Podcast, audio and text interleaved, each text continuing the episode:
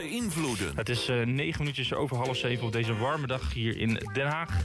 En uh, van de Europese migratiedeal gaan we over naar Nederland.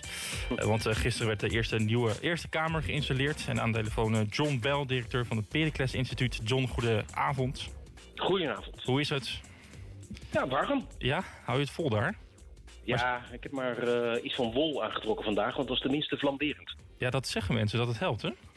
Ja, een beetje wel. Oké, okay. stof. Oké, okay, nou helemaal goed.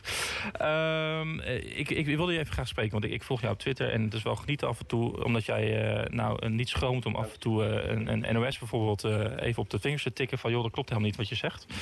zo onder andere gisteren met de Eerste Kamer. Maar ik wil even beginnen, waar is de taak ook, wat is de taak van de Eerste Kamer ook alweer? Ja, de uh, Eerste Kamer is een beetje een, uh, een vreemd instituut. Ooit een keer begonnen om de koning te beschermen tegen allerlei vernieuwingsbewegingen uit de samenleving, maar inmiddels uh, toch wel een ander instituut geworden. Mm -hmm. uh, ja, je, je, moet het een beetje vergelijken met het uh, vier-ogen-principe, wat, een, wat een bank ook heeft. als daar een groot bedrag wordt overgemaakt, dan zegt de, degene die dat moet doen tegen een collega van joh, kijk even mee of ik niet ergens een komma vergeten ben. Ja. We zitten voornamelijk op, op wetgeving, hè? de Eerste Kamer, die de, de wetten toetst die uit de Tweede Kamer komen. Ja, uh, niet alleen dat hoor. Uh, ja, ze, ze, kijken wel uh, naar, naar, naar, hoe het past in het rechtssysteem, of dat wel klopt. En daar, daar schudden ze nog eens een beetje mee of het klopt. Maar je ziet dat de Eerste Kamer ook heel erg kijkt naar de uitvoerbaarheid. Ja. kan dit wel? Past dit wel bij bijvoorbeeld lagere overheden die dit moeten gaan uitvoeren?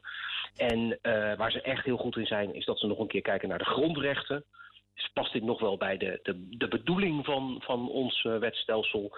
En uh, uh, internationale verdragen, daar loopt de Eerste Kamer echt op vooruit. Dus het is echt nog een tweede check voor alles wat in, de Eerste Kamer, in de Tweede Kamer is besloten. Ja, en wordt die politieker, de Eerste Kamer? Dat zeggen, dat zeggen een aantal ja. mensen. Ja. Ja, het antwoord is ja. Uh, ja. Weet je, er zijn ook wel momenten in de geschiedenis aan te wijzen waar de Eerste Kamer ook wel redelijk politiek was. Maar als je even kijkt naar, nou pak een beetje de laatste 50 jaar, dan zie je toch echt wel dat het veel meer politiek is. Uh, dat heeft met een paar dingen te maken. Uh, ja, ten eerste dat de, de meerderheid die een, uh, een kabinet heeft waar, waar die op kan vertrouwen in de Tweede Kamer niet meer dezelfde is als in de Eerste Kamer. Dus dat betekent altijd wel een beetje, een beetje wielen en dealen. ja, en tegelijkertijd moet je ook gewoon constateren dat debatten in de Tweede Kamer de afgelopen nou, 20, 25 jaar soms heel veel kwaliteit overlaten. En dan doet de Eerste Kamer gewoon het werk van de Tweede Kamer opnieuw. Dat, ja, dat is ook een beetje hun werk. En er zijn er ook nog mensen, John, die zeggen van ja, je moet de Eerste Kamer afschaffen. Dat geluid hoor je de laatste tijd wel minder. Hoe kijk jij daarnaar? Ben jij, ben jij voorstander van, die, van het vier-ogen-principe via, via de Eerste ja, Kamer? ik ben wel voorstander van het vier-ogen-principe. We hebben het hier wel over wetgeving, hè? Um, ja, zeker de uitvoering uh, staat ook behoorlijk onder druk. Zeker, zeker, zeker. En ik zou willen dat ze er zelfs wat meer scherper naar kijken. Uh, ik weet zeker dat, ja, weet je, mijn vakgebied is natuurlijk gemeente. Maar als ja. de uh, Eerste Kamer eens wat scherper had gezeten op de decentralisaties of op de omgevingswet. Dan, uh, uh, ja, ze hebben daar al veel kritiek over gehad. Een paar dingen zijn ook wel tegengehouden, een paar keer door de Eerste Kamer. Ja, dan is het wel fijn dat er iemand nog eventjes uh, een beetje meekijkt. Ik zou eigenlijk willen dat de Eerste Kamer zijn werk beter doet. Dan mm -hmm. dat we het uh, afschaffen. Want volgens mij hadden er wel een heleboel dingen doorheen gegaan die we liever niet hadden gehad. Ja. Um, er zijn een aantal misverstanden over de Eerste Kamer. Tenminste, gisteren zijn ze geïnstalleerd. Er spelen een aantal, nog een aantal dingen. Er moet nog een nieuwe voorzitter gekozen worden. Daar gaan we het zo nog even over hebben. Welke misverstanden zie jij, zie jij vooral veel terugkomen? Ja, nou, uh, vooral over uh, wat de Eerste Kamer nou precies doet. Uh, ja, het, het, lijkt erop uh, alsof mensen ook vinden dat het een politiek orgaan moet zijn. de pensioenwet kan nog worden tegengehouden in, in de Eerste Kamer. Ja. of de Eerste Kamer zou toch de grondwet moeten volgen. Dat, dat, is ook niet waar, want de Eerste Kamer is juist degene die toetst of dit wel de juiste interpretatie is van de grondwet. En niet, niet iemand die slaafs volgt wat er in de grondwet staat, want zo werkt onze grondwet gewoon helemaal niet. Nee. Of uh, dat uh, de uh, Eerste Kamer ja, een soort verlengstuk is van, van de Tweede Kamer. Dat is ook niet. Het is juist het orgaan wat de Tweede Kamer moet, moet controleren. Dus ja, als, als, als, de, als Tweede Kamerleden roepen dat de Eerste Kamer moet worden afgeschaft, is dat meestal een teken dat de Eerste Kamer zijn werk goed doet. Ja, precies. Dat kun je, dat, dat kun je zeggen. Dat is vaak ook een politiek oordeel die dan, dat dan misschien niet goed uitkomt dat de Eerste Kamer zijn werk goed doet. Ja. Uh, wat, mij, wat ik niet wist en wat ik van jou geleerd heb gisteren... en dat, dat wil ik de luisteraars niet onthouden... is dat er geen uh, partijen in de Senaat zijn. Want het wordt ook wel een Senaat genoemd. Ja. Ehm, maar jij zegt nee, BBB is niet de grootste partij. Want er, er zitten geen partijen in de Senaat. Hoe, hoe werkt dat? Ja, nou, de grootste partij is nog steeds Forum voor Democratie. Want een, een, politieke partij is niks anders dan een vereniging, gewoon in de samenleving, waar iedereen lid van kan worden. En uh, waar je dan ook uh, wel een donatie voor moet betalen. En dan, dan doe je dus mee in die partij. En je stemt mee over, over partijprogramma's. En wie er op kandidatenlijsten moet staan. En dat is de definitie van een partij. En een partijbestuur is de baas. die partijbesturen kunnen kieslijsten indienen, waar dan kandidaat volksvertegenwoordigers op staan. Dat geldt voor gemeenteraden, dat geldt voor provinciale staten, dat geldt voor waterschappen. Geldt voor in de Tweede Kamer, geldt voor de Eerste Kamer. En als die mensen zijn benoemd, dan zijn zij onafhankelijk van die partij. Ja. Uh, je hebt uh, misschien uh, gehoord van dat GroenLinks statenlid wat op een kandidaat van Volt heeft ja. gestemd bij de Eerste Kamerverkiezingen. Ja, en even met alle context en nuances en boosheid en andere emoties die erbij komen kijken.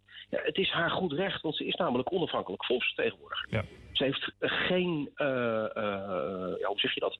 Ze, ze hoeft geen verantwoording af te leggen aan een partijbestuur. En, uh, dat, is toch, dat is toch uh, eigenlijk op papier heb je misschien gelijk, maar in de werkelijkheid is dat toch heel anders. Dat wordt toch heel nou, anders ja, ervaren. Nee. Uh, ik ken volksvertegenwoordigers die er wel eens in de clinch hebben gelegen met een partijbestuur. Die zeggen dan je, je moet dit en je moet dat. En dan ja. zegt zo'n volksvertegenwoordiger, als die een beetje fatsoen heeft, dan steekt hij zijn handen in zijn zij, gaat staan en zegt ho ho, zo werkt het niet. Maar geldt het dan ook voor de Tweede Kamer? En voor gemeenteraden, ja. en voor provinciale staten, en voor waterschappen. En fractie, is dat dan meer de, de toondekkend of ook niet?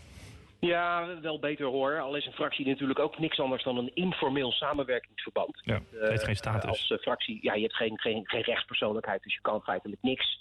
Uh, maar het zijn wel mensen, uh, onafhankelijke volksvertegenwoordigers, die hebben besloten om met elkaar samen te werken, omdat je ook niet alles in je eentje kan lezen. Doe jij nou ruimtelijke ordening? Daar snap ik toch niks van. Doe ik wel sociaal. Maar de zetel is van jou en jij gaat als enige persoon ga jij over de zetel. Dat is eigenlijk ook uh, yes. wat, wat, en, en dat, is, dat is een groot goed. Want dat betekent namelijk dat niemand anders dan de mensen die wij zelf hebben gekozen, bepalen ja. hoe ze stemmen. En, ja. en niet een partijbond of een uh, lobbyorganisatie of hoe je dat noemt. Ja, toch uh, over zetels gesproken. BBB heeft er nu 16. Uh, de samenstelling is anders hè, van de Eerste Kamer. Uh, nou zijn er toch wat twee weken geleden werd bekend dat de coalitiepartijen twee zetels erbij hebben gekregen door onderling slim te stemmen. Daar, daarvan zei BBB, ja wij doen niet mee aan dit spel. Een beetje afzetten tegen het kartel, hè, wat, dan, wat dan zo heet. Statenleden kiezen uiteindelijk de Eerste Kamer. Het was de, ook ten gunste van de coalitie hoe dit nu uiteindelijk gekomen is. Staatsrechtelijk zuiver, maar het, het, riep ook weer opnieuw... en het is volgens mij een terugkerende discussie over hoe dit gaat... vooral achterkamertje politiek, van ja, wat, wat gebeurt daar nou? Uh, ja. hoe, hoe, kijk jij daarnaar, ook richting het vertrouwen van, van, van zo'n nou ja, Eerste Kamer... waar mensen toch van uitgaan op een gegeven moment... dat de coalitie eigenlijk alleen maar uh, geen meerderheid meer heeft via, via één route... maar nu opeens weer twee routes heeft? Ja, ja dus, dus wat, je, wat, je, wat je stelt is uh, met recht denk ik een, uh, een geladen vraag. Waar een mening in verstopt zit. Het is natuurlijk hartstikke raar dat uh, iemand van D66 op een CDA stemt... om ervoor te zorgen dat een coalitie die gevormd is in de Tweede Kamer zijn meerderheid kan behouden. Dat is kiezersbedrog? Ja, wel een beetje. Ik kan me voorstellen dat je het zo uitlegt. Uh, de andere kant is, uh, op het moment dat je een coalitie aangaat... betekent dat ook dat je niet alleen consensus hebt... maar ook compromissen sluit en dus ook consensus doet. En dit zou je eronder kunnen scharen, maar het is wel een klein beetje... nou ja, niet ineens een klein beetje, het is wel gewoon een machtsspelletje. Ja. En uh, democratie werkt minder goed als de macht van het getal uh, groter een grotere rol speelt dan de macht van de argumenten. Hm. Nou, de samenstelling is, dus, is, dus, is dus anders van de Eerste Kamer, uh, zoals ik onderbreek. Verwacht jij nou heel, een, een, heel andere Eerste Kamer zometeen ook als het gaat om, om de invloed? Of, of is dat lastig te zeggen? Ja, we zullen zien. Het hangt een beetje vanaf hoe de ministers erin zitten. Uh, ik denk dat uh, leden van het kabinet er goed aan doen om uh, de Kamer als Kamer te beschouwen en met elke fractie eventueel goed contact onderhouden. er wordt wel eens geroepen, ze kunnen over links en over rechts. ja, ik denk dat ze er rekening mee moeten houden dat deze Eerste Kamer er zijn eigen oordeel op nahoudt. Ja. En dat je daarmee dus uh, beleidsvoorstellen doet waarvan je weet dat je recht doet aan de principes en ja. idealen van al die volksvertegenwoordigers. Niet alleen in de Tweede Kamer, maar ook in de Eerste Kamer. En dat is misschien en, ook maar goed. Uh, dit is precies waarom we een Eerste Kamer hebben. Hè? Ik bedoel dat, dat BBB-kieslijsten veel zetels hebben gewonnen, is niks anders dan het bewijs dat onze democratie werkt. Er zijn een paar, een flink aantal kiezers die zeggen: ja, wacht even, dit gaat me te snel. Ik vind dat je ook hierop moet letten. Mhm. Nou, dat vertaalt zich dan terug in een manier waarop de Eerste Kamer nu tegen het kabinet kan zeggen: wij gaan hierop letten, want dit vinden wij belangrijk. Ja ja. namens onze kiezers. Ja. Uh, dan moet er ook nog een voorzitter gekozen. Want de Tweede Kamer heeft een voorzitter, maar de Eerste Kamer heeft ook een voorzitter. Er is nu een tijdelijke voorzitter, dat is uh, Jan Antoni de Bruin hè, van de VVD. Ja, gewoon de, de, vorige, zoals, ja, de vorige voorzitter. zoals het altijd gaat. De vorige voorzitter blijft altijd nog even aan. Ja, over deze voorzitter gesproken vanavond werd bekend een uur geleden dat hij wordt beschuldigd door ambtenaren van uh, wangedrag. Daar heeft hij ook inmiddels op gereageerd. Nou zijn er, uh, hoe ziet de verkiezing eruit? Want, want dit artikel komt dan nu naar buiten, toeval of niet. maar die rol van de Eerste Kamer is een belangrijke, prominente rol. Ja, Toch? zeker. ja, vooral in, ja, hoe moet je dat zeggen, in traditionele zin. Uh, je bent toch degene die de uh, vergadering op Prinsjesdag opent. Uh, en je bent er ook altijd bij als hoogwaardigheidsbekleders bekleders van andere naties worden ontvangen. Mm -hmm. ja, dan is toch altijd de voorzitter van de Eerste Kamer, net als de voorzitter van de Tweede Kamer, ook altijd bij. ja, inhoudelijk heb je, heb je eigenlijk minder te vertellen dan een gewoon Kamerlid. want je zit niet in commissies en je, je debatteert niet mee, je zit alleen maar voor. Ja. Ehm, maar ja, het is wel een beetje een, functie met status uh, natuurlijk. Ehm, en wat zou dit nou betekenen voor... want, want hij, uh, er is onderzoek naar gedaan... De, de griffier heeft hem ook op de vingers getikt vanwege de klachten. Ja, wat, wat, betekent dit voor nou ja, zijn positie en, en de kans dat hij opnieuw voorzitter wordt? Ja, weet je, ik heb uh, griffiers bijzonder hoog zitten. Want dat zijn uh, toch wel uh, bewakers van, van de goede orde van de, uh, van de democratie. Uh, ik beschouw ze als poortwachters van de democratie. Uh, dus je mag dit wel zien als een, een bevestiging dat het handelen van Jan Anthony Bruin niet altijd even super was. Richting ambtenaren die daar ook maar gewoon hun werk doen. ja, ik kan me voorstellen dat hij zich nu niet verkiesbaar stelt voor het voorzitterschap. Uh, en dan uh, ja, moet er iemand anders gekozen worden uit de kandidaten die zich dan nog moeten gaan melden. De tweede VVD'er in korte tijd, waar het over gaat, over, over dit soort gedrag. we gaan het even over iets anders hebben. Ehm, ook over een VVD'er die niet meer in de Senaat zit. Dat is Annemarie Joritsma. Hij was verkenner twee jaar geleden na aanleiding van de Tweede Kamerverkiezingen. Ja. de Kamer heeft nu gisteren om ophelding gevraagd een brief aan de verkenners Orlonger en Joritsma. Ook de andere twee die daar toen bij waren. Maar vooral deze twee, na aanleiding van berichtgeving van Nieuwsuur... waaruit blijkt dat er al vanaf het begin politiek is gesproken... over Tweede Kamerlid Pieter Omtzigt. Ook met Ariep al, het eerste gesprek nadat ze verkenners waren. Uh, hoe staatsrechtelijk ongemakkelijk is dit nu? Dat, dat de verkenners... Hè, want want uh, Jorisma is senator af... maar Longren is natuurlijk nu minister van Defensie. Zij moet zich nu weer terug naar een functie van twee jaar geleden. Hoe, hoe ongemakkelijk is dat en kan dit überhaupt qua verantwoording? Alles kan. Uh, als het uh, nergens op staat dat niet kan. Uh, nergens staat opgeschreven dat niet kan. En het staat nergens opgeschreven dat niet kan, dus kan het. Maar ongemakkelijk is het natuurlijk wel. dat gezegd hebbende, dat er ergens een blaadje rondloopt bij mensen die toch bezig zijn met de ordening van onze regering. waar er op een uitspraak wordt gedaan over wat er moet gebeuren met een, een Kamerlid, kan ook niet. Dus ja, Weet je, uh, het is wel een stapeling van dingen die eigenlijk niet kunnen. Ja. Uh, uh, het, het, het, het, was natuurlijk gewoon echt een vreselijke opmerking die op dat blaadje stond. en hoe die erop is gekomen, daar hebben we het hele verhaal nog nooit over gehoord. Er gaan nu verschillende verhalen over de ronde. dat gezegd hebben, ik kan me ook goed voorstellen dat die verkenners kijken naar de stabiliteit van alle fracties en dus ook het CDA. Uh, dat dat dan leidt tot uh, één volzin die op zo'n puntenplan staat, zoals uh, nu, nu gelekt is door een slim fotomoment. Ja. ja. dat vraagt wel wat verantwoording. En nou ja, het is meer dan dat, hè, want die verantwoording is er geweest. Maar dit gaat vooral meer over dat, dat Joris mij echt specifiek al echt een politieke rol heeft aangenomen. Terwijl zij vooral faciliterend moest zijn als verkenner. Tenminste, dat zegt Nieuwsuur. Ja, dat is de stelling van Nieuwsuur. En daar hebben we nog niet erg veel weerwoord over, ge, over gekregen. Uh, Joris Maa zegt uh, toch dat het anders is. Uh, ja, dan is het toch al gauw he said, she said. Ja.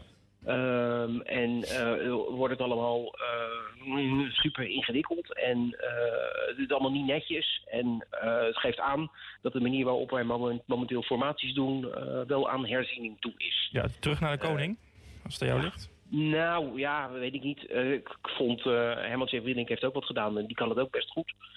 Uh, en zo zijn er meer mensen die uh, goede formaties kunnen leiden. Maar... Heb je het dan ook over jezelf? Want je bent zelf informateur geweest. Ik, even een gewetensvraag, John. Is, is het moeilijk om je niet te bemoeien met de politieke kant, vroeg ik me af. Nou, ja, dat is een mooie vraag. Ik zou geen nee zeggen, denk ik. Maar wel mijn agenda leeg moeten vegen. En dat wordt. ja. dat, dat gezegd hebbende, het is natuurlijk een, een, een prachtig proces. Politiek is niks anders dan zo goed mogelijk met elkaar van mening verschillen. En als je mensen daarbij kan helpen, dan, dan doe je uh, echt goed werk. Ik, ik hou ook van mijn baan. Mm. Uh, maar op het moment dat je daar gaat zitten en je hebt een eigen politieke agenda of je doet aannames over hoe politiek zichzelf zou moeten functioneren, dan kan je je werk niet goed doen. Nee. Uh, dus je, je, moet ook wel enige uh, distantie tot het politieke uh, bedrijf uh, houden. Ik bedoel, als je mij vraagt of ik een debat wil leiden over de overlast van deelscooters, dan zeg ik ook liever nee. Want ik, mijn eigen. Vind wat van deelscooters, maar daar gaat het nu niet om. Je, je moet enige distantie hebben. En ik denk dat Annemarie Jorisma en Kasia Alongren, ik weet niet wie je daar moet voor aan moet wijzen, dus ik wijs ze allebei even aan, zich af moeten vragen of ze wel onafhankelijk genoeg waren om dit proces goed te beleiden. Ik denk dat de Kamer zich ook moet vragen of ze wel de goede mensen daarvoor hebben benoemd. Ja. Nou, er komt een debat aan hè, met dan weer de Tweede Kamervoorzitter. Dat is dan wel weer interessant. Uh, breder ook over de evaluatie hoe dit is gegaan.